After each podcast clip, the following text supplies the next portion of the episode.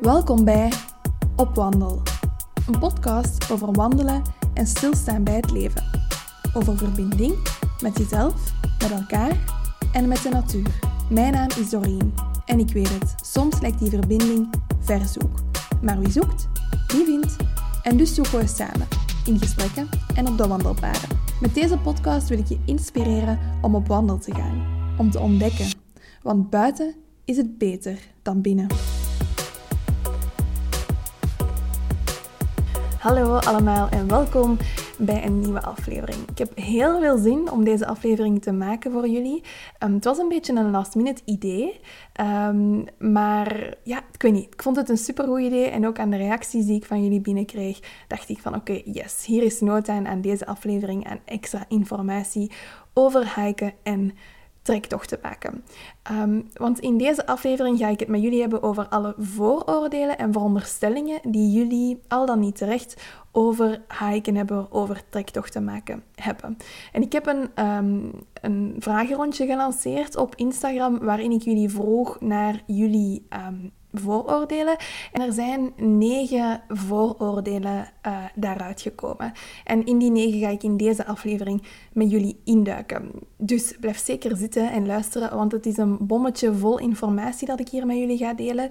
Um, heel veel praktische dingen ook. Ook wat uh, helpen om jullie blik wat te verruimen op bepaalde dingen. En jullie gewoon ook wat meer achtergrondinformatie te geven. Want het is duidelijk dat er daar toch nog wel wat misverstanden over bestaan. Op 30 november geef ik een gratis online infosessie over starten met hiken en meer specifiek over de 10 veelgemaakte beginnersfouten. Die gaat door online om 8 uur s avonds uh, en er is ook een replay beschikbaar voor wie er niet live kan bij zijn. Ik ga het doorspekken met praktische informatie en met gouden insider tips. Je gaat ook naar huis met een stappenplan om eindelijk aan die trektocht te kunnen beginnen. Dus ik zou zeggen, het is gratis. Je kan er altijd iets uit opsteken. Schrijf je zeker in. En de link om je in te schrijven staat in de beschrijving van deze podcast. Eerst en vooral ga ik mezelf nog eerst voorstellen. Want misschien heb je op wandel nog maar net ontdekt en weet je totaal niet wie ik ben en wat ik doe. Misschien ben je hier al langer, maar ik ga toch nog eerst even heel, heel goed kaderen wie ik ben en waarom ik eigenlijk zo'n een, een, grote passie heb voor hiken en uh, waarom dat je in godsnaam uh, iets van mij zou moeten aannemen, wat toch wel belangrijk is natuurlijk. Um, dus mijn naam is Doreen, ik ben 28 jaar en ik woon in Leuven in België. Um, ik woon in de regio rond Leuven in een, uh, in een huisje in het bos. En uh, ik woon daar heel graag. Nu, dat is voor mij... Allez, om te zeggen, vier jaar geleden was dat totaal niet mijn leven. Hè. Voor corona was ik eigenlijk iemand die in de stad woonde, die uh, fulltime in een agency werkte, in een reclamebureau. Ik had totaal geen link met de natuur. Ik ben niet avontuurlijk opgegroeid, integendeel. Uh, we gingen altijd op all-in vakanties um, en het heeft tot mijn 15, 15 jaar geduurd, um, tot ik in de Giro zat, dat ik voor de eerste keer eens ging kamperen. Um, dus om je maar te zeggen, ik was totaal niet bezig met de natuur. Al zeker niet met iets avontuurlijk, zoals hiken of trektochten maken. Dat was een echte ver van mijn bedshow. En ik geloofde ook echt dat ik daar niet voor gemaakt was. Hè? Dat het een of-of verhaal was. Dat je ofwel van luxe hield en ofwel eens graag ging gaan eten met vriendinnen, ofwel eens een keer naar een museum ging en een glaasje wijn dronk Ofwel het tegenovergestelde. Hè, dat je gaat hiken in de bergen met een rugzak en dat je een man bent met een baard en spieren. Um, of alleen maar van survivaling houdt en jaagt in de natuur en dieren op eet. Allee, voor mij was het een of-of en er was een hele, ja, een hele grote kloof tussen die beide. Van het een extreem in het ander eigenlijk. En um, het is pas toen ik, een, uh, toen ik mijn huidige vriend leerde kennen dat dat beeld wat veranderde bij mij. Want hij is iemand die dat wel van thuis heeft meegekregen, dat avontuurlijk leven. Die gingen wel samen op bergwandelvakanties en zo. En ik moet u niet vertellen, toen dat wij onze eerste keer uh, onze reis samen deden, um, dat dat een puzzeling was, of een puzzel was. Hè. Ik wou graag um, ja, een boekje lezen aan het strand of aan het zwembad, en hij wou graag de natuur intrekken. Maar ik had dat nog nooit gedaan. dus ik was daar heel onzeker over en we hebben daar echt naar een balans moeten zoeken. Maar het is wel dankzij hem dat ik uiteindelijk ook die stappen ben gaan zetten. Of het te zeggen, ik heb het natuurlijk zelf gedaan, maar hij heeft mij geïnspireerd en mij ook leren kennismaken met uh, de natuur en wat dat hiken en wandelen is. Dus we begonnen met wandelingen in, uh, op onze vakanties. Dat waren dan dagtochten of zo die dat we deden. Maar het bleef ook daarbij. Hè. Als ik thuis kwam, dan uh, ging ik niet terug naar buiten of zo. Dus dat was echt iets alleen wat we op vakantie deden. Maar dat is veranderd toen ik zelf in een iets moeilijkere periode in mijn leven kwam.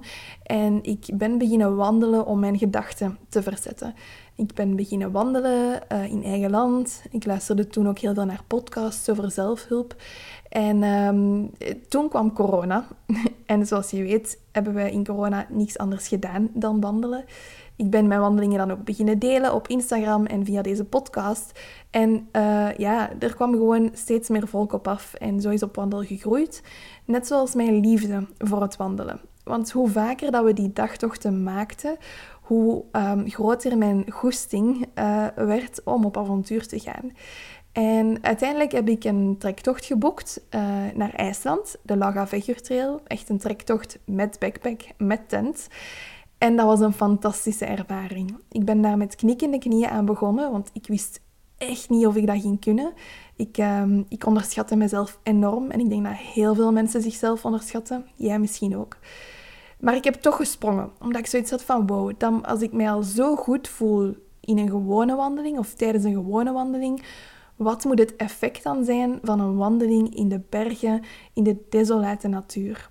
En ik ben gesprongen en ik ben zo, zo blij dat ik ben gesprongen. Dat ik dat heb kunnen meemaken. Die eenvoud, die magie, die rust. Ik heb ook veel zelfvertrouwen gekregen dankzij het hiken. Uh, omdat ik veel meer weet over mezelf persoonlijk, over mijn lichaam. Maar ook ja, als de wereld vergaat, dan zijn we niks met Netflix of met Facebook, maar dan zijn we wel iets met hoe dat we kunnen overleven in de natuur.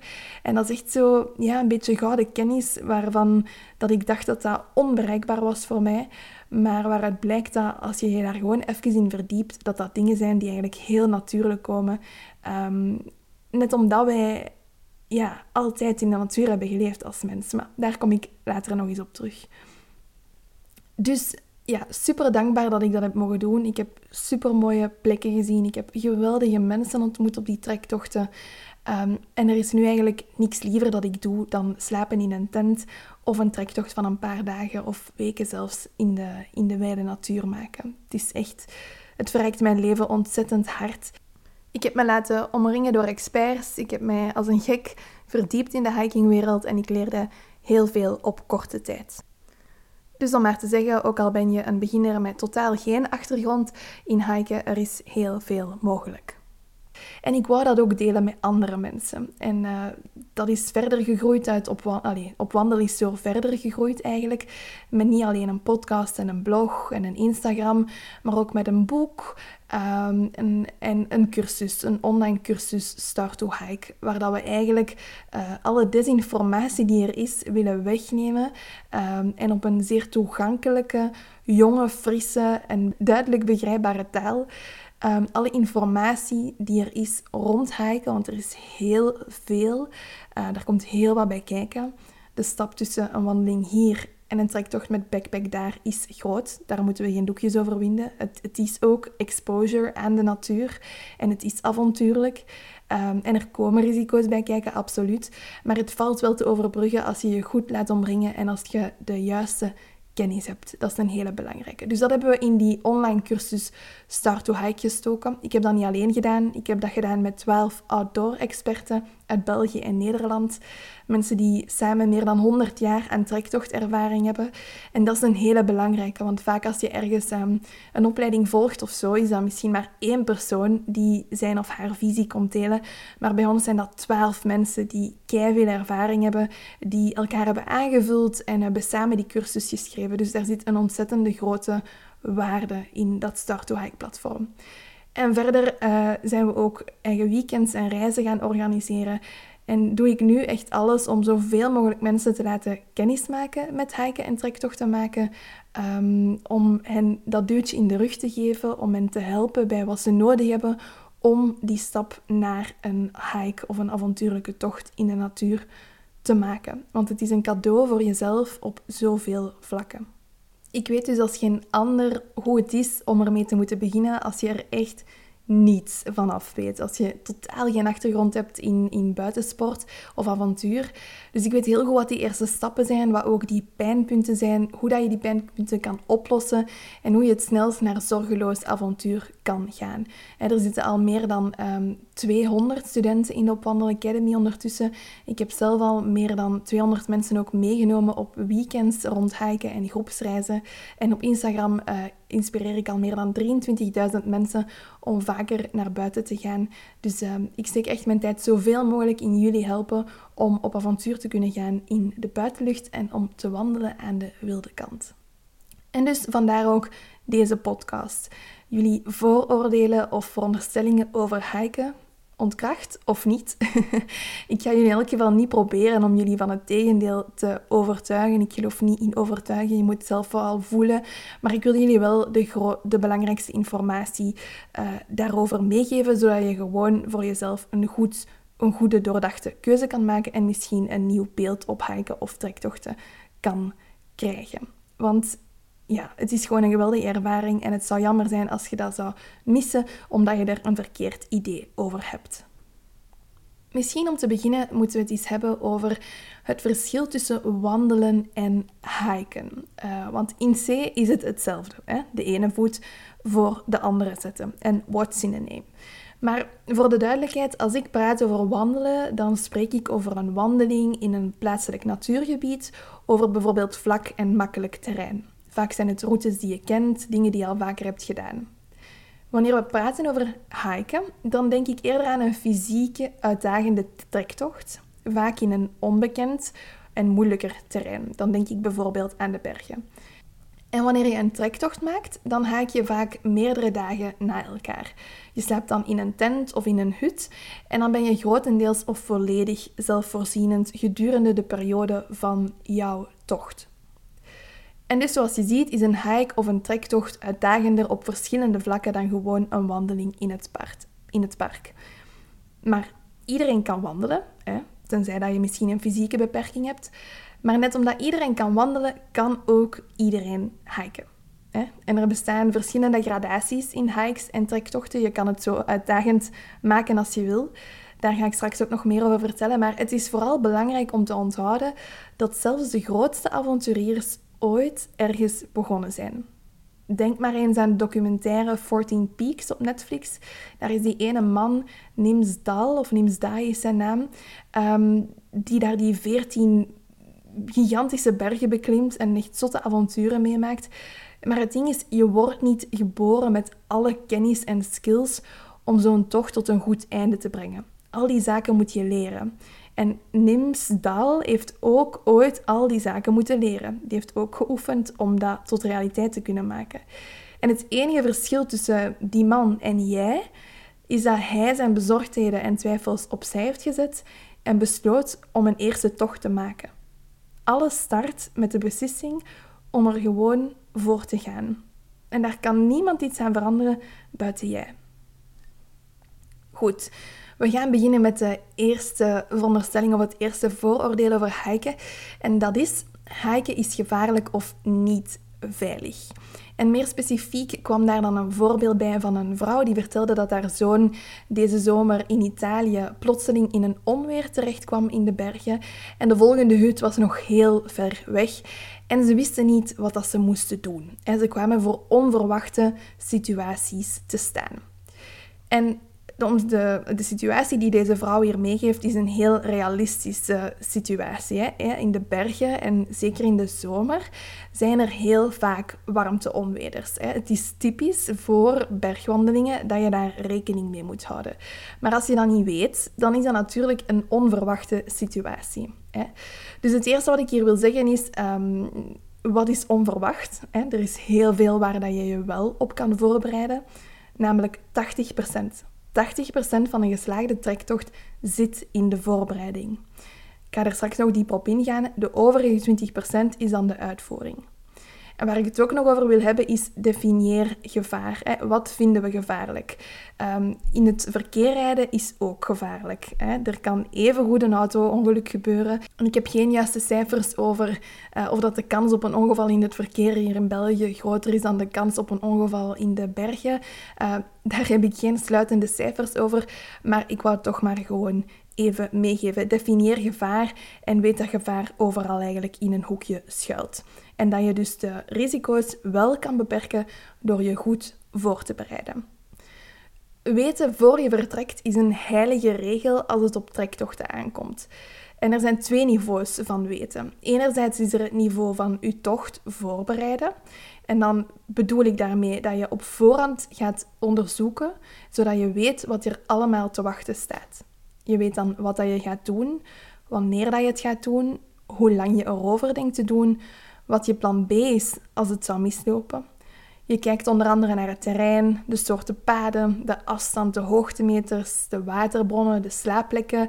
Je kijkt naar het klimaat en het lokale weer. Je kijkt naar een lijst met noodnummers. Dus echt een gedetailleerde voorbereiding van A tot Z over je trektocht.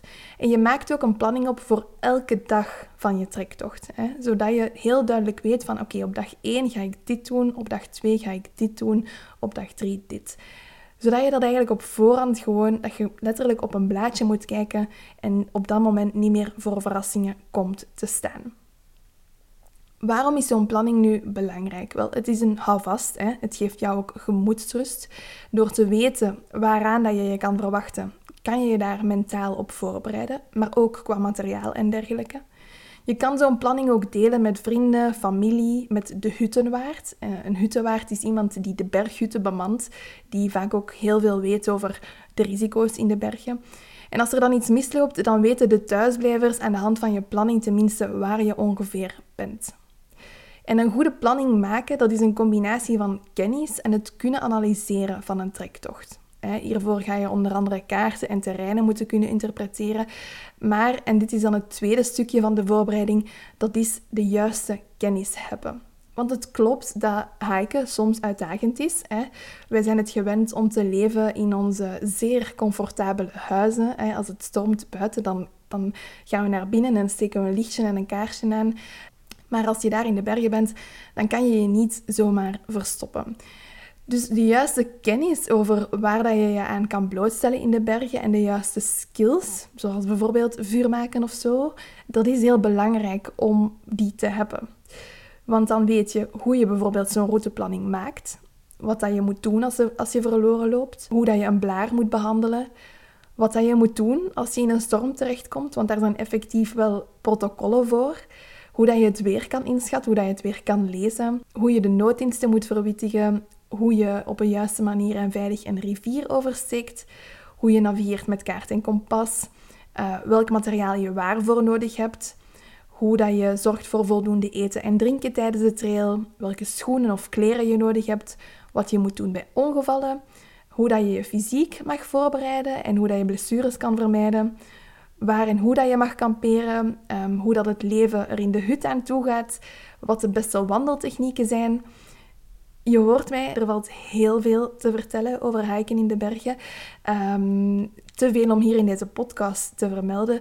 Maar daarom hebben wij net die cursus Start to Hike gemaakt. Daar zitten 15 modules in, goed voor meer dan 20 uur aan lesmateriaal. Er valt ontzettend veel te leren over de wonderenwereld van, van het hiken. Kennis is kracht en macht en dat is hier voor het hiken helemaal niet anders. Een regel bij het hiken is dat je eigenlijk zo vroeg mogelijk wil vertrekken.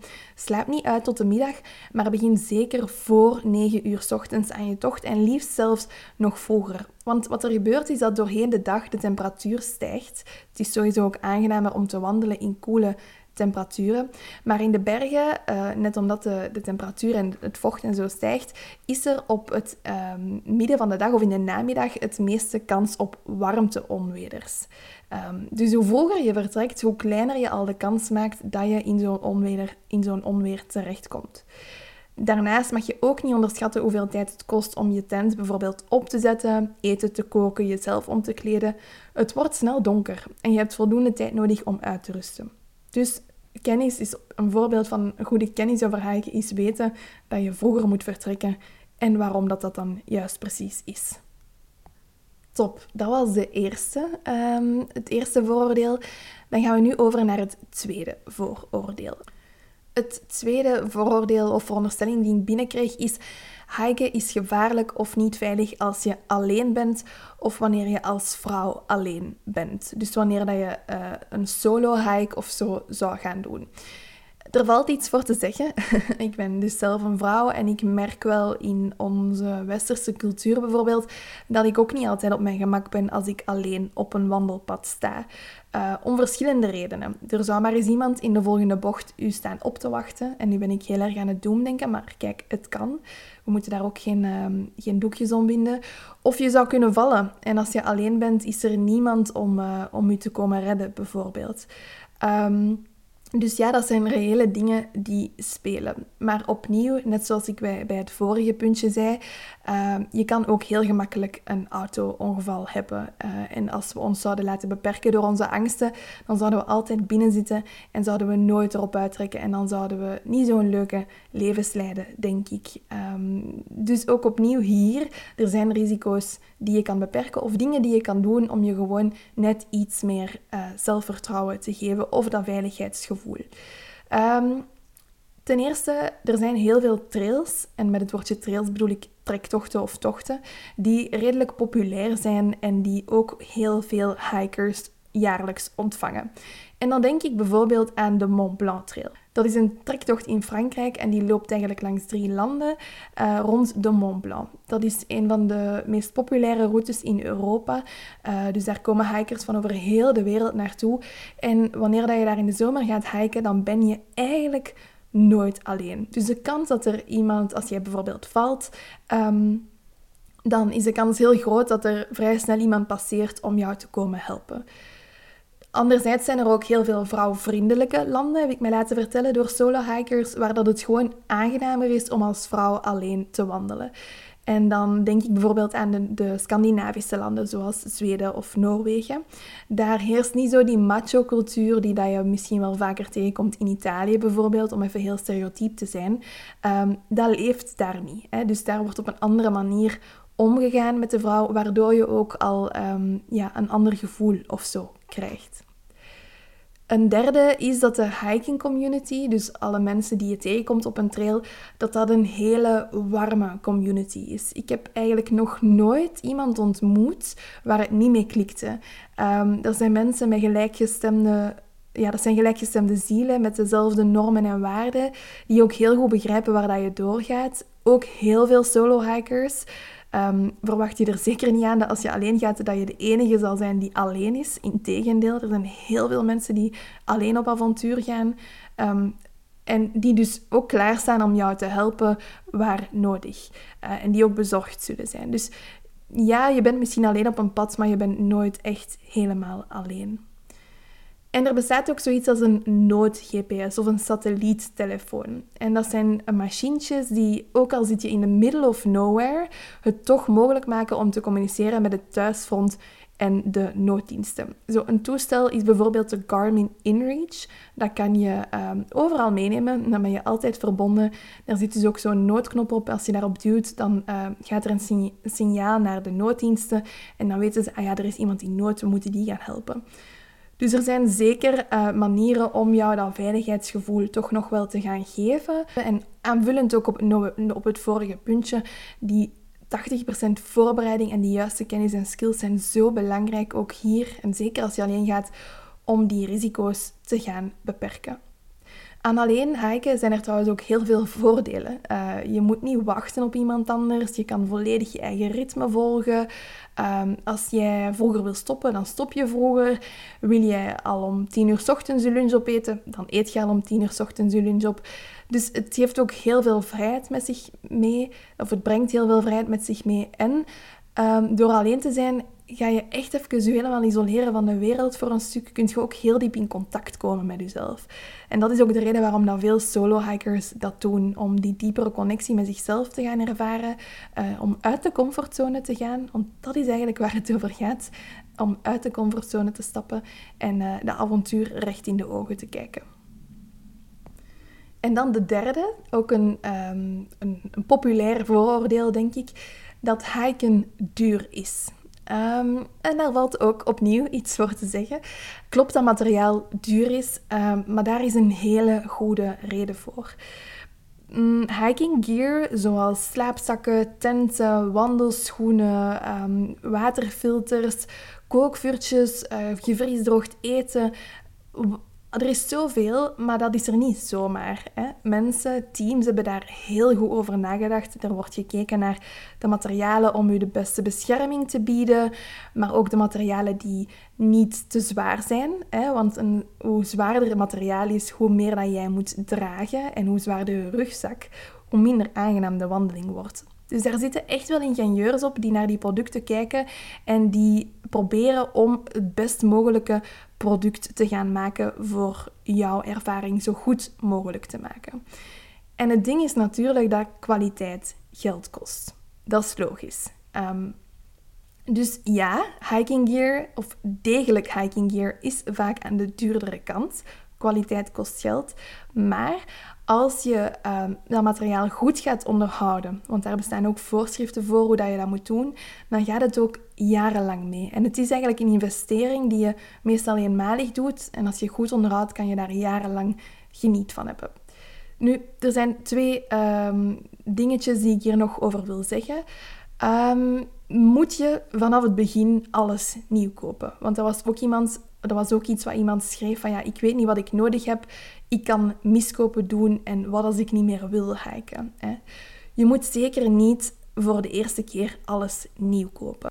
Want je weet niet wat je exact nodig hebt, omdat je ja, je niet hebt juist laten informeren of omdat je ehm, ja, gewoon echt nog geen enkele ervaring hebt en ook een beetje moet voelen wat, dat, wat dat er voor jou nodig is. Um, dus er zijn oplossingen. Je kan gaan lenen van vrienden of, of mensen die je kent die dat wel gaan doen. Of je kan het gaan huren. Er zijn heel wat winkels, zoals onder andere Ice Adventure, die een verhuurdienst hebben opgestart. Zodat jij toch degelijk materiaal kan meenemen op tocht, het kan testen, zonder dat je ineens een gigahap uit jouw budget kwijt bent. Zowel bij het huren als bij het lenen is het belangrijk om goed uh, te gaan controleren voordat je ermee op tocht vertrekt. Uh, zitten er gaatjes in? Is alles wel nog stevig? Want er is niks zo vervelend aan vertrekken en pas um, s'avonds, wanneer dat je je tent aan het opzetten zijt, zien dat er een stok ontbreekt, bijvoorbeeld. Hè. Dus check altijd op voorhand goed uw materiaal. Ook bij uw eigen materiaal trouwens, een gouden tip. Nu, je moet ook niet altijd, dus je moet niet meteen alles nieuw kopen en je moet ook niet van alles het duurste kopen. Nu, vaak is de regel gewoon dat uh, hoe lichter materiaal is, hoe duurder het is. Hoe kwalitatiever materiaal is, hoe duurder het is. Um, dus het is altijd een beetje een spel van prijs, gewicht en kwaliteit. Die drie die gaan elkaar uh, continu beïnvloeden. Maar er zijn zeker ook goedkopere spullen um, die je niet in een, zeer, allez, in een speciaalzaak moet kopen, maar ook bijvoorbeeld in een goedkopere winkel, die ook goed meegaan. Maar dat is ook iets wat je leert on the go. En door, door het te testen en door het te proberen en door te voelen wat dat er voor jou werkt. Maar je moet dus niet meteen altijd het duurste kopen. Wat dat wel is, is dat wanneer je iets um, goedkoop gaat kopen, de kans groter is dat je het twee keer koopt. En uiteindelijk ben je dan evenveel geld kwijt. Dus daar moet je wel goed over nadenken. Dat geldt zeker niet voor alles. Er zijn, zoals ik zei, goedkopere producten die zeker goed genoeg zijn. Uh, maar dat geldt niet voor alles zo. En om jou daar een richtlijn in te geven, um, is er zoiets als de Big Four. En de Big Four, dat zijn vier dingen waar dat je best wel goed en kwalitatief in investeert. Um, op basis van wat is die Big Four opgesteld? Dat is om eigenlijk te voldoen aan uw basisbehoeften. En daar moet je altijd naar kijken tijdens een trektocht, dat al uw basisbehoeften goed worden ingevuld. En wat is dat dan? Warm en droog blijven, goed slapen en voldoende eten en drinken. Dat zijn uw basisbehoeften. En vanuit die drie hebben ze dus die Big Four opgesteld. Dus zaken waarin dat je best wel goed kan investeren. En dat is een slaapzak, een slaapmat, een tent en een backpack of een trekrugzak. Dus dat zijn die vier dingen. En aan dat lijstje voeg ik graag nog twee dingen toe. Dat zijn wandelschoenen en water- en winddichte regenkledij. Ja, um, Kijk ook al eens in je kast. De kans is groot dat je misschien wel al een goede regenjas hebt liggen of een goede wandeling, een sportieve short. Het is niet altijd nodig om alles nieuw te kopen en uh, je hoeft ook niet meteen te gaan hiken met een tent. Er bestaat zoiets als huttentochten en um, ja, dan heb je dus geen investering in een tent nodig en dan slaap je gewoon in de hut. Uh, dan heb je ook nog het comfort van het sanitair en een bed en dergelijke. Dus hè, je, kan een beetje gaan spelen daarmee. Hè, met, de, met de beginnerstochten en beginnerservaring opdoen. En rustig aan zo jouw, jouw materiaal gaan uitbouwen. En, en heel doordacht eigenlijk met die investeringen omgaan. Dus de samenvatting. het klopt. Outdoor is duur. Daar is een reden voor. Maar je hoeft niet per se meteen die zware investeringen te maken. Laat je goed informeren. Test zelf een paar dingen uit en bouw dan stapsgewijs je materiaal op. En als het je het goed onderhoudt, dan gaat het ook veel langer mee. En dan is hiken helemaal geen dure sport niet meer. Want per keer dat je ermee mee op, reis gaat, eigenlijk spaar je ook heel veel andere kosten uit die je bij een gewone vakantie wel zou hebben, die je niet hebt, niet hebt op een trektocht. Ehm, dus opnieuw, hier is gewoon een kwestie van goed voor je materiaal zorgen, doordachte keuzes maken, u laten informeren. En dan is hiken helemaal geen dure hobby. Want op de trail zelf heb je niet zoveel kosten. Hè. Afhankelijk van waar je gaat wandelen, moet je misschien wel bijvoorbeeld uh, permits of, of uh, toegangspaspoorten voor een natuurgebied betalen. Dat is dan vooral in Amerika bijvoorbeeld. Um, of als je in hutten slaapt, dan betaal je ook nog jouw overnachtingen in de hut. Maar um, daarbuiten heb je eigenlijk tijdens een trektocht zelf, naast materiaal en naast eten, niet zo heel veel kosten. Veel kosten die je bij een gewone reis bijvoorbeeld wel zou hebben. Het vierde vooroordeel is dat hiken lastig is. mensen schrijven: Ik denk niet dat ik dat kan.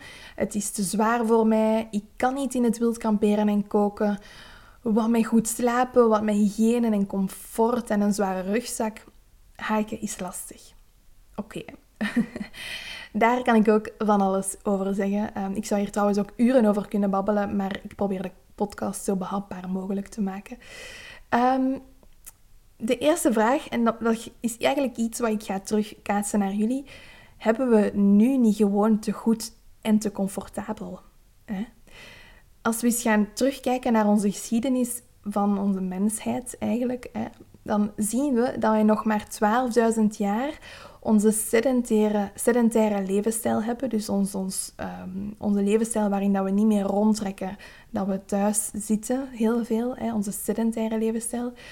Um, nog maar 50.000 jaar sinds dat onze moderne cultuur bestaat. En daarvoor trokken wij altijd rond als jager-verzamelaars en nomaden. Dus er zit een veel, dus er zit een veel langere geschiedenis aan ons mens zijn, uh, waarin dat wij altijd in de natuur hebben geleefd, altijd hebben rondgetrokken, uh, altijd in tenten en zo hebben geslapen. En dat zit nog heel erg in ons DNA. We zijn dat gewoon. We hebben groene genen. Dat is gewoon zo. Dat is nog maar een, een, hele korte periode eigenlijk op de geschiedenis van de mensheid dat wij deze comfortabele levens leiden in onze huizen en in onze kantoren.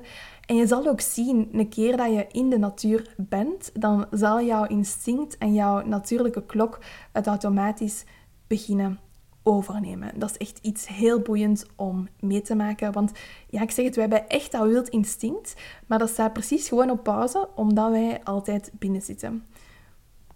Ik denk dat een beetje ongemak zo nu en dan ons wel deugd doet als mens uh, en ons wel ook terug dankbaar maakt voor het water dat hier gewoon maar uit de kraan stroomt of uh, het licht dat wij gewoon maar moeten aandoen.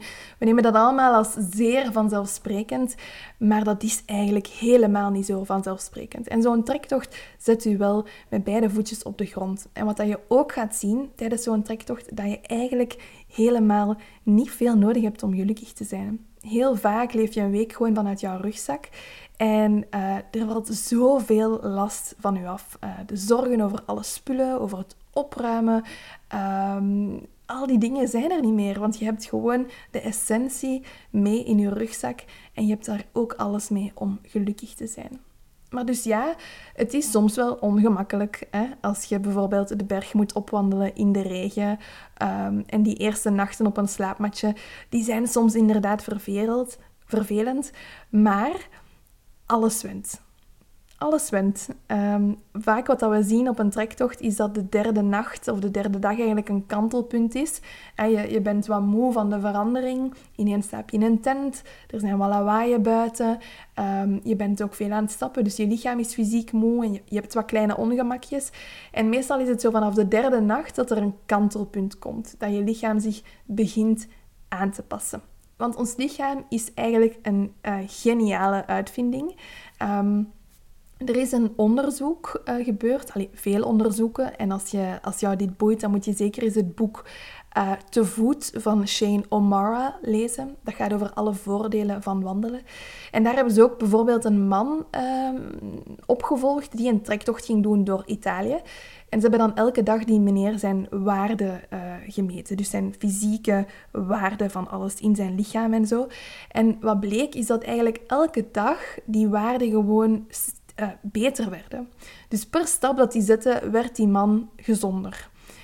Um, en dus dat is ook weer een hele belangrijke om, om mee te nemen, dat, uh, dat je lichaam went, dat je lichaam terwijl je wandelt sterker wordt en dat het dus allemaal wel meevalt.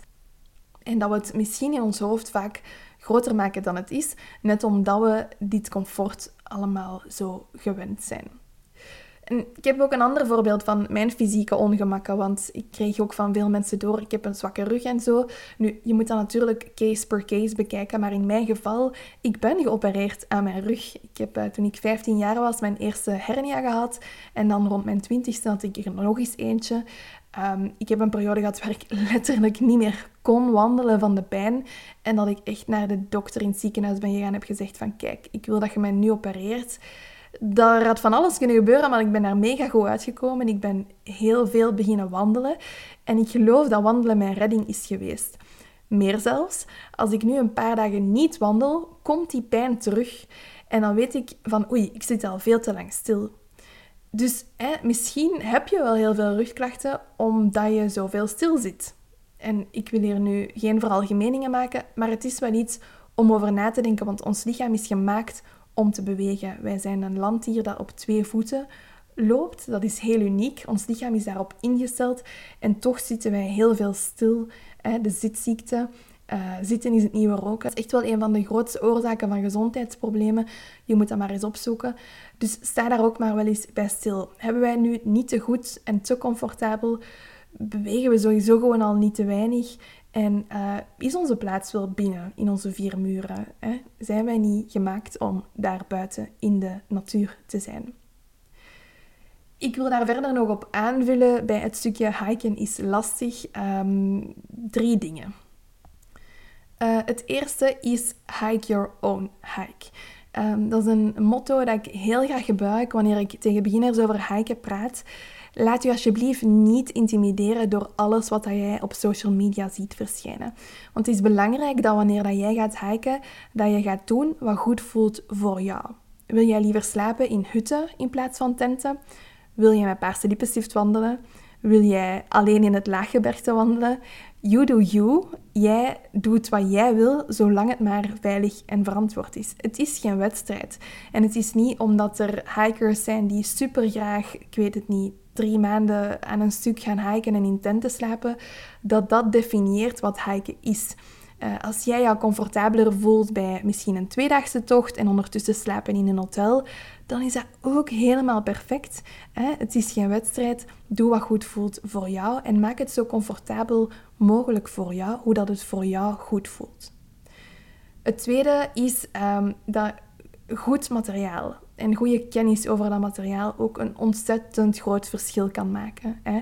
Ik kreeg een berichtje van iemand die zei dat hij een tocht was gaan maken in Luxemburg met een rugzak van 26 kilogram. Een vuistregel is dat jouw rugzak ongeveer 20% van jouw eigen lichaamsgewicht mag wegen. Dus die meneer zat daar veel, veel, veel, veel boven. En als je opnieuw de juiste kennis hebt, als je de juiste materialen hebt gekocht die niet onnodig zwaar zijn, uh, als je weet hoe dat je jouw rugzak goed moet inladen, dan kun je je ongemak echt verkleinen. Gigantisch hard verkleinen. Dus dat is ook belangrijk om te weten. Je kan iets doen aan die lastigheid, aan dat ongemak. Opnieuw ook de kennis. Hè. Iemand stuurt je van, ik kan niet in het wild kamperen, ik kan niet uh, in het wild koken. Je kan al die dingen leren. Hè. Zeggen dat je het niet kan, dat is jezelf onderschatten en niet in jezelf geloven. En dat is het derde wat ik wou zeggen. Ehm, het gaat ook in geloven in jezelf en, u, en uit je comfortzone durven stappen.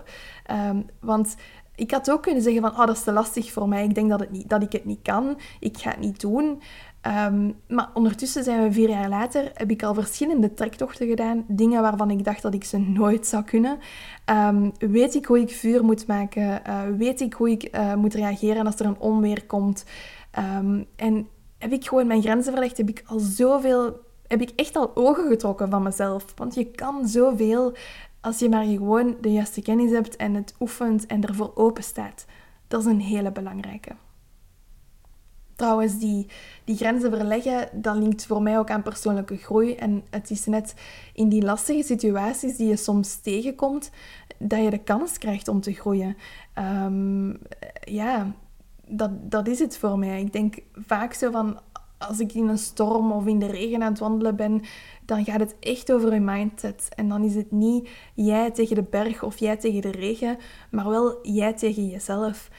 Um, je kan zoveel met je mentale kracht ook. Um, en dan kom je na die regenbui ergens aan of zo. En dan krijg je echt zo dat gevoel van... Wow, I did this. I got this. Ik heb het gedaan. Ik, ik, ik kan dit doen. Dat geeft je zoveel zelfvertrouwen. Um, dus hou jezelf niet klein door te denken dat je het niet kan. You don't know until you try. Oké. Okay. Nummertje 5. Hiken, ja, dit is eentje, lieve mensen, die kwam als, het meeste binnen. Dus uh, ik vond dat wel heel tof dat jullie die massaal insturen. Maar de vijfde is dus... Hiken is enkel voor sportieve mensen met de allerbeste conditie mensen, jullie sturen van alles in. Hè. Hiken vereist een zeer goede conditie. Het is voor superfitte mensen. Ik ben bang om mezelf te overschatten. Het is voor mensen met een gezond lichaam zonder al te veel ongemakken. Uh, het is fysiek te zwaar, waardoor het plezier eraf gaat. Um, dus jullie zitten echt met een hele grote zorg over die fysieke uitdaging van een trektocht. Oké. En je hebt daar een punt. Um, hè, de meeste mensen hebben een zittend beroep. Uit, de, um, uit een onderzoek van 2018, denk ik, van het Vlaams Gezondheidsinstituut, blijkt dat we 50 à 80 procent, laat dat cijfer even binnenkomen, 50 à 80 procent van onze wakkere tijd zittend doorbrengen. Dus de meeste mensen hebben een zittend beroep en zijn het gewend om 8 uur per dag te zitten. Op een trektocht doe je het omgekeerde. Ga je ongemiddeld 6 à 8 uur per dag wandelen, stijgen en dalen. Je gaat ander eten dan je gewend bent, je gaat een rugzak dragen. Dus ja, als je dan ineens 8 uur gaat uh, hiken in de bergen, doe je het tegenovergestelde dan wat je altijd al hebt gedaan. Dus het is een fysieke uitdaging, uiteraard. Is dat alleen voor sportieve mensen met de allerbeste conditie? Nee. Want ik ben geen sportief persoon en ik heb niet de allerbeste conditie. Buiten wandelen en hiken doe ik eigenlijk niet veel. Ik ga niet lopen. Ik ga niet naar de fitness. Dingen die ik trouwens wel beter zou doen om ook gewoon mijn spieren te versterken. Um, heb ik een goede basisconditie? Dat wel. Hè? Ik zorg ervoor dat ik niet te veel zit. Dat ik regelmatig beweeg. Dat ik ga wandelen. Uh, ik zorg voor mijn lichaam. En dat is wel een hele belangrijke. En dat is iets wat we met z'n allen gewoon wel een beetje meer moeten doen, toch? En dat linkt ook een beetje aan wat ik hier net in het vorige puntje zei. Ons lichaam is tot heel veel in staat. Um, denk aan het voorbeeld van die Italiaanse man en het onderzoek dat daarom werd gedaan. Ons lichaam is tot heel veel in staat. Maar ja, het is niet zo slim om van altijd te zitten ineens naar acht uur per dag hiken te gaan ja, fysieke voorbereiding is nodig. Uh, in die zin dat het niet gaat bepalen of dat je de tocht uitloopt. In bepaalde gevallen wel. Uh, maar het gaat vooral bepalen hoe dat jij die tocht uitloopt. Als jij jou fysiek voorbereidt op zo'n tocht, is de kans veel groter dat jij um, s'avonds aankomt en dat je nog energie over hebt. En dat je tijdens het wandelen ook super hard kan genieten van de omgeving. Maar als jij je niet voorbereidt en je bent heel de tijd aan het afzien en het is zwaar en je bent echt bek af wanneer je terug toekomt, ja, dan gaat je die tocht op een andere manier beleven. Dus die fysieke voorbereiding en gewoon eigenlijk goed zorgen voor je lichaam in tijden buiten een trektocht is super belangrijk. Maar dat geldt voor alles eigenlijk. Het is ook belangrijk om rustig op te bouwen. Te is nooit goed. Te veel, te snel, te hard, te enthousiast. Luister naar je lichaam en bouw stapsgewijs op. Het is eigenlijk heel belangrijk om te gaan kijken naar wat je wil en wat je kan. Dus het is kwestie van eventjes heel eerlijk met uzelf te zijn en uw basisconditie te gaan evalueren. Wat is uw huidige trainingstoestand? Hoeveel uur per week beweeg jij? Wat is uw globale gezondheid? Hebt jij letsels waar dat je rekening mee moet houden als je zo'n tocht zou gaan maken? Bijvoorbeeld, je hebt een nieuwe knie of zwakke knieën. Hoe zit het ook met uw mentale gezondheid? Want het gaat niet altijd over het fysieke, maar als jij veel stress ervaart mentaal, zet zich dat ook op je lichaam. Slaap je elke nacht voldoende? Of heb jij last van vermoeidheid? Weet dat de meeste mensen gemiddeld 8 uur slaap nodig hebben. De kans is groot dat dat voor u ook zo is, ook al denk je van niet.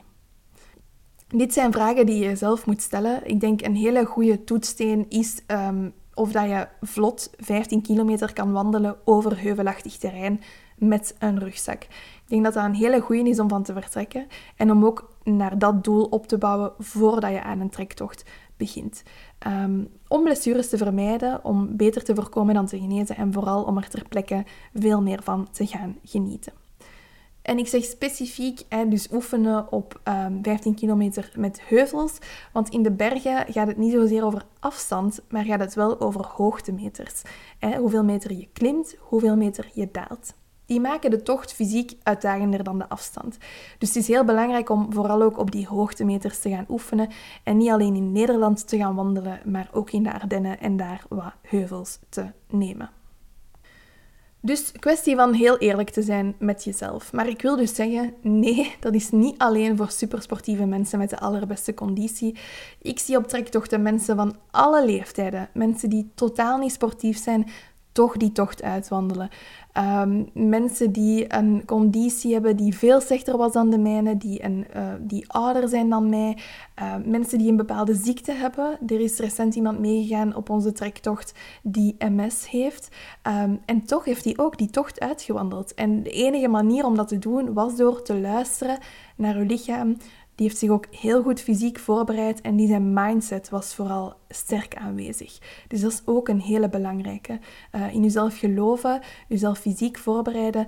En, um, en weet je, in C is wandelen ook maar de ene voet voor de andere zetten. Uh, wel op wat uitdagender terrein en er komt veel meer bij kijken. Maar in C is dat het wel, het principe. Dus hou dat ook in je achterhoofd wanneer dat je het moeilijk hebt of wanneer dat de moed u in je schoenen zakt. En als laatste, omdat er ook iemand zei van ik ben bang om mezelf te overschatten. Het is dus belangrijk om stapsgewijs op te bouwen. Ehm, dat steken wij ook in de Opwandel Academy, in onze cursus Start to Hike. We hebben echt trektochten per niveau om, om jou te helpen om op te bouwen. We hebben ook een module over fysieke voorbereiding, um, waar dat er een, um, een duursporter, dus als iemand aan marathons loopt en hij is ook kinesist, echt een stappenplan met jullie uitwerkt over hoe dat je je op drie maanden tijd helemaal kunt voorbereiden op zo'n trektocht. Daar zit niet alleen een oefenschema in voor te wandelen, maar ook voor spierversterkende oefeningen te doen. Dus super interessant. Dus bouw stapsgewijs op en achteraf wordt niet overmoedig. Het is niet omdat je eerste hike heel vlot ging, dat je meteen klaar bent om het hooggebergte in te trekken en pieken hoger dan 4000 meter te beklimmen. Dus als je overmoedig bent, maak je slechte beslissingen. Evalueer, wat wil ik, wat kan ik, bouw je ervaring stapsgewijs op. En ook daaraan gekoppeld, opnieuw kennis, en dat heb ik in het eerste puntje aangehaald. Weet welke tocht dat je gaat doen. Weet hoe dat jij uh, de moeilijkheidsgraad van zo'n tocht kan gaan analyseren. Hè, uh, wat voor type terrein ga je bewandelen? Een blokkenveld is bijvoorbeeld veel om over, moeilijker om over te wandelen dan een gewoon vlakveld in het bos. Dat moet ik u niet uitleggen. Um, ook hoeveel hoogtemeters het zijn. Kijk naar het totale plaatje om dan ook te gaan inschatten van oké, is dat iets wat ik hier ga kunnen doen? Ook iets waar dat we jou bij helpen in onze cursus. Het zesde wat binnenkwam is dat hiken moeilijk is om mee te beginnen. En dat je er veel tijd voor nodig hebt op verschillende vlakken. En ook dat je dus conditie moet opbouwen en dat daar ook uh, tijd in kruipt. Dan refereer ik meteen al even aan het vorige. Heel veel gaat afhangen van jouw huidige basisconditie. Um, en van, van, van waar je komt en van hoe ver je komt. Um, dus dat gaat daar voor een stuk bij komen kijken, maar dat is zeker de moeite waard. Uh, bekijk het niet alleen als een doel om die trektocht te maken, maar ook gewoon als een doel om inderdaad gewoon voor jezelf die goede basisconditie te verkrijgen. Um, en met ons programma stomen we u eigenlijk in drie maanden, allee, het fysieke programma, stomen we u in drie maanden klaar voor zo'n trektocht als je het goed zou kunnen volgen. Dus zoveel tijd um, kruipt daar ook niet in. Maar het is wel belangrijk dat je die tijd erin steekt, zodat je er gewoon op lange termijn echt veel meer van kan genieten van jouw trektocht. Kruipt er veel tijd in de voorbereiding? Ja en nee. Ja, want alle begin is moeilijk. en als jij start door, uh, zonder enige omkadering, zonder mensen of informatie die jou ondersteunen, dan tast je eigenlijk in het duister. En dan kijk ik naar hoe dat wij het hebben meegemaakt toen wij onze eerste trektocht naar IJsland deden. Dan denk ik dat wij zeker zes maanden ons hebben ingelezen, want er is heel weinig concrete informatie te vinden. Je moet eigenlijk overal wat gaan plukken en er maar zelf uitnemen wat, wat voor jou past. Maar echt iets concreet en behapbaar op één locatie, dat vonden wij niet. Dus hebben wij daar heel lang mee bezig geweest, zes maanden ongeveer. Um, wij gingen ook veel naar de lokale Ice Adventure bij ons in Leuven. We hadden daar een verkoper waar dat het goed mee klikte. En ik denk dat wij daar tien keer naartoe zijn gegaan. Die gaf ons heel veel persoonlijk advies. En um, wij gingen dan altijd op donderdagavond, omdat de winkel dan langer open was en meer tijd had voor ons. Um, dus ja, we hebben daar in het begin heel veel tijd ingestoken. En dat is net de reden waarom dat ik Start to Hike heb gemaakt, om u in 15 weken gewoon alle informatie te geven die dat je hebt, zodat je geen tijd meer verliest aan het opzoeken en het bij elkaar zoeken van de juiste informatie of het continu naar de winkel moeten gaan. Nee, je hebt gewoon die videocursussen, 20 uur aan lesmateriaal en je bent mee. Dus het is super handig. En er is ook een online community uh, waar de alle docenten in zitten, waar dat je vragen kunt stellen en gewoon vanuit je luie zetel persoonlijk advies kunt vragen en krijgen. Ik ben er gewoon van overtuigd dat je op deze manier, door je te laten omringen, uh, sneller avontuur kunt beleven, zotter avonturen en ook meer positieve ervaringen gaat hebben. Er zijn dus echt wel oplossingen om hiken niet moeilijk te maken om mee te beginnen. Nu, je kan er ook voor kiezen om er headfirst in te vliegen uh, en te leren while you're on the go en door fouten te maken. Dat kan ook. Um, dan kost het je misschien bloed, zweet en tranen, maar het kan ook. Het is eigenlijk aan jou de keuze om, om te beslissen hoe dat jij het het liefste leert, maar weet dat er oplossingen zijn om het jezelf veel gemakkelijker te maken. En ook oefening waard kunst. Zoals met alles in het leven. De zevende, en dan zijn we er bijna, want er waren negen vooroordelen. Het zevende vooroordeel is dat hiken wordt bekeken als iets voor jongere mensen. En ik vond dat wel bijzonder om die binnen te krijgen, want tot voor kort was volgens mij bergwandelen, toen het nog bergwandelen was en niet hiken, uh, leefde het idee dat dat toch echt wel voor ja, oudere mensen was, dat dat een beetje een saai imago had, ook een beetje een geitenwolle sokken imago of zo. Ehm, terwijl wij veel hikes al hebben gedaan, waar dat er ook veel oudere mensen op de trail waren, waar dat je dan ook trouwens geweldige gesprekken mee hebt. Um, dus ja, nee, er zijn, er zijn zeker wel oudere mensen op de wandelpaden. Um, dat jongere volk, dat begint zo eigenlijk nu pas wat meer op te staan. Um, en ik moet ook denken aan de groepsreis naar op, met, de, op wandel naar de Mont Blanc, die we afgelopen zomer hebben gedaan.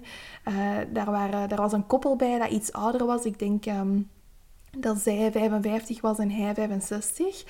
En zij hebben samen die trektocht gedaan. En oké, zij waren bij de ouderen van de groep, maar zij moesten zeker niet onderdoen voor de rest. Zij konden keigoed mee. Ze hebben ook hun grenzen verlegd. Ze hebben heel goed naar hun lichaam geluisterd wanneer dat nodig was. Ehm, en opnieuw, die community van de, van de hikers is zo open-minded. Daar zitten veel gelijkgestemde mensen bij, maar van verschillende achtergronden, leeftijden, klasses. Dus nee, uh, je vindt zeker ook oudere mensen in de natuur. En hiken is echt niet alleen iets voor jongere mensen. Het is voor iedereen. Het achtste dat ik binnenkreeg is dat hiken niet te doen is met kinderen. Um, en ik kan daar alleen maar op zeggen, het is wel te doen. um, ik denk bijvoorbeeld aan uh, Pieter en Anne-Sophie van Routegoesting. Dat zijn de mensen die onze campervan hebben omgebouwd. Die gaan hiken in Noorwegen met hun dochtertje. En die hebben dan zo'n speciale rugzak waar zij kan inzitten. Of ik denk aan Johan Maak, die samen met zijn zoontje van 11 jaar uitroepteken, de Pacific Crest Trail heeft gewandeld. En dat is een tocht van zes maanden lang door Amerika. Heeft hij met zijn zoontje van elf gedaan. Uh, hij is trouwens ook al eens op de Opwandel podcast geweest, dus scroll maar eens door naar die aflevering. Het is heel boeiend.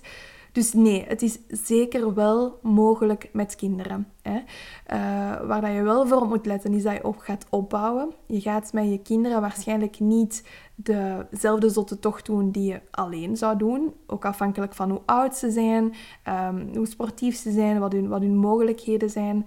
Uh, dus opnieuw opbouwen. Als alternatief, als je bijvoorbeeld zoiets hebt van, oh nee, uh, ik wil een redelijk gemakkelijke tocht doen en ik wil niet in tenten slapen, kan je met je kinderen ook altijd huttentochten gaan doen. Um, er zijn heel veel families dat dat met hun kinderen doen. Er zijn verschillende niveaus en gradaties in hikes. Net daarom dat het ook zo belangrijk is om een route te kunnen lezen en analyseren, zodat je kan gaan bepalen van is dit iets wat mijn kinderen gaan kunnen doen. En over het algemeen ga je een klein beetje anders hiken. Hè? Dus je gaat je misschien je, je niveau van uitdaging wat moeten verleggen, maar je gaat het wel kunnen doen. Ehm, wat ik hoor van, van mensen die met hun kinderen hiken, is dat ze ook altijd zorgen voor motivatie, voor spelletjes, voor entertainment onderweg. Um, dus je moet wel echt gaan hiken met dan de blik van de kinderen eigenlijk. Maar het is zeker niet onmogelijk om te doen. Um, en er zijn genoeg rolmodellen, ook op Instagram. Um, hiking with kids. Ik denk als je dat al ingeeft op Google, dat je veel vindt. Uh, er zijn veel mensen die dat doen. Ik, ik kom op elke trektocht in de zomer, kom ik gezinnen met kinderen tegen. Dus ja, gaat het een uitdaging zijn en gaat het zoeken zijn? Absoluut. Maar is het een leuke uitdaging? Mega. Ik denk je kinderen zo op een pad zien genieten dat er niks, of toch bijna, ik kan niet spreken want ik heb geen kinderen, maar als ik mensen hun kinderen zie genieten op een wandelpad, dan denk ik, ah, amai, dat wil ik ook met mijn kinderen doen. En dan de laatste, en deze vond ik ook super mooi om binnen te krijgen. Vooroordeel of veronderstelling nummer 9. Iemand die zegt, ik denk dat hiken verbloemd wordt. Ik vond dat heel mooi om binnen te krijgen. Um, want ik snap wat hij zegt. Hè. Ik denk dat uh, veel hikers, mezelf inclus, um, spreken over ja, de magie van een trektocht en wat dat dan met je doet en de mooie foto's die op social media verschijnen. Um, en dan misschien het stukje lastigheid soms wat uh, ja, achterwege wordt gebracht. Want is het soms moeilijk, lastig en vervelend? Absoluut. Als je moe bent, je moet in de regen een berg opwandelen of je tent opzetten, of je merkt dat er een scheurtje in je tent zit. Maar eigenlijk wat ik hiervoor al heb gezegd, het is jezelf uitdagen, het is grenzen verleggen, het is groeien als persoon, het is zelfvertrouwen kweken, het is vaak niet jij tegen de berg, maar wel jij tegen jezelf. En um, ja, ik vergelijk het een beetje met een puppy. Een puppy in huis halen. In het begin zijn dat kleine monstertjes. Daar moet je veel op staan en plast dat beestje overal en zo. Maar je krijgt er op termijn ook heel veel liefde terug voor in de plaats. Hè? Dus je, je moet met dat hondje gaan wandelen, maar dat geeft je ook zoveel knuffels in de zetel. Dus het is een beetje... Er valt voor de beide kanten wat te zeggen. En ik denk dat zonder die moeilijke momenten het hiken ook helemaal niet zo mooi zou zijn. Ik denk dat je die lastige momenten nodig hebt om het hiken net zo prachtig en cool te maken. En opnieuw, ook dit heb je onder controle. Hè. Je kan jezelf echt heel goed voorbereiden op een trektocht, zodat je het niet moet gaan verbloemen, zodat je de risico's kan gaan controleren. Ehm, en zodat het voor jou echt wel een tocht vol met bloemen wordt, eigenlijk. Dus het kan. En er zijn zoveel momenten voor mij persoonlijk op een trektocht. Ja, als ik daar zo voor een landschap sta, Ehm, of ik zie een, kudde schapen over het pad lopen. Of uh, ik ontmoet prachtige mensen op de trektocht. Of ik rit ochtends mijn tent open en ik drink mijn koffietje met een prachtig uitzicht. Dat ik weer keihard besef waarom ik het doe. Waarom ik al die kilometers wandel. Uh, het simpele leven daar, hè, op een trektocht dat kan heel verslavend worden. Hè? Die, dat desolate gevoel, um, dat weg zijn van de wereld, de, het vermogen om terug te kunnen relativeren, want problemen zijn daar plots heel klein. Dat simpele leven is daar zo, zo rijk. Um, en ik omschrijf het ook in mijn boek 10 levenslessen van de wandelaar. Je gaat terug naar je natuurlijke ritme. Je hebt terug tijd om te verwonderen, om te vervelen. Ehm, om, om jezelf te zijn, om rollen en maskers van je af te gooien, uh, om je terug klein te voelen als mens, die dankbaarheid. Ja, voor mij is hiken terug mens worden. En ik kan dat niet verbloemen. Ehm, in, die, in die moeilijke momenten die er soms zijn, schuilt ook echt de mooiheid van wat hiken juist is. Voilà mannetjes, dat was het. Dat was de podcast over de vooroordelen die jullie hebben over hiken. Ik hoop dat ik um, jullie heb mogen inspireren. Uh, dat ik ook wel wat antwoord heb kunnen bieden op jullie zorgen. Um, laat het mij zeker weten als dat niet zo is. Stuur mij een berichtje via Instagram of op Facebook of een mailtje naar info.opwandel.be. Ik ga heel graag met jullie in gesprek om samen naar oplossingen te zoeken. Um, en weet dat je dus jaren aan hikervaring gebundeld en in mensentaal toegankelijk kan vinden in onze trektochtcursus Start to Hike. En je kan heel die fase van klungelen en tijd en geld verliezen overslaan en gewoon de ervaring van tientallen hikers rechtstreeks in je backpack steken. Om mij af te ronden heb ik hier nog um, vier vragen of stellingen. Als je jezelf eens een score geeft op die stellingen, dan kan je voor jezelf uitmaken of dat je klaar bent voor een trektocht of niet. Um, dus de eerste stelling is: ik geloof dat ik het kan. Dus dat gaat over jouw mindset. Geloof jij dat jij het kan, zo'n trektocht, dat jij kan hiken? Geef jezelf eens een score, een score op 10. De volgende is: ik weet hoe ik een trektocht moet voorbereiden. Dus dat gaat over heel dat eerste stuk waar ik het over had, over dat kennis echt wel macht en kracht is. Hoe zit dat bij jou? Hoeveel weet jij om die goede voorbereiding tot een goed einde te brengen? Geef daar ook eens een score op 10 op. De volgende is, ik ben fysiek in staat om een trektocht te doen. Dus ga echt eens kijken en eerlijk zijn met jezelf. Hoe zit het met uw huidige basisconditie? Hoe lukt het om een wandeling van 15 kilometer over heuvelachtig terrein te wandelen? Ben je fysiek in staat? Geef jezelf ook eens een score van 8 op 10. Uh, eh, ja, een score op 10, sorry. En dan de laatste. Ik weet welke factoren een impact hebben op mijn trektocht en hoe ik deze zo goed mogelijk kan controleren. Het gaat opnieuw over kennis, nog iets anders dan die voorbereiding. Maar ja, wat, weet jij wat je moet doen als jij ter plekke ineens uh, in een onweersbui terechtkomt, bijvoorbeeld? Hè? Wat, wat moet je doen in onverwachte situaties? Welke factoren hebben een impact? Hoe zit die kennis bij jou? Geef daar ook eens een score op 10. En ik denk dat als jij overal meer dan 7 of 8 op 10 scoort, dat je klaar bent voor het avontuur. En scoor je iets minder, dan is het super interessant voor jou om jou te laten omringen met gelijkgestemden en mensen die kennis hebben van zaken.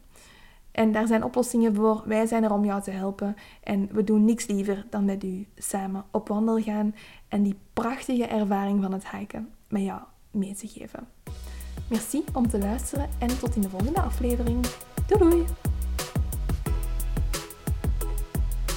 Als je genoten hebt van deze aflevering, vergeet dan zeker niet om de podcast een rating te geven of om het te delen op je socials. Zo kunnen andere wandelliefhebbers ook hun weg naar buiten vinden en genieten van deze podcast. Want hoe meer wandelzielen, hoe meer vreugd. Zo, tot de volgende opwandel. Maar wacht vooral niet tot dan om zelf al in je wandelschoenen te springen. Want je weet, een dag niet gewandeld is een dag niet geleefd. Veel liefs.